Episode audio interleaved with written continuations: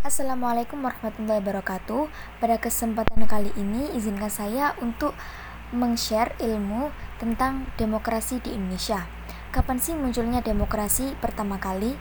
Munculnya kata demokrasi pertama kali pada tahun 507 sampai 508 sebelum Masehi.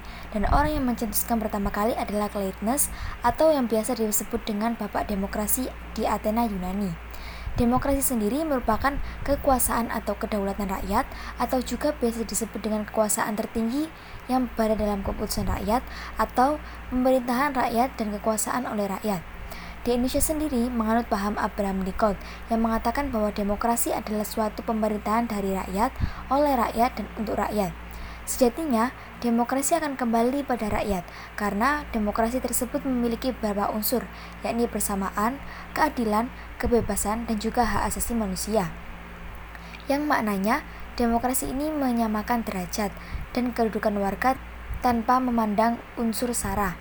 Sebagaimana dijelaskan pada Al-Quran Surah An-Nisa ayat 1 bahwa manusia di mata Allah akan sama dan yang menjadi pembedanya adalah iman dan ketakwaan pada masing-masing manusia.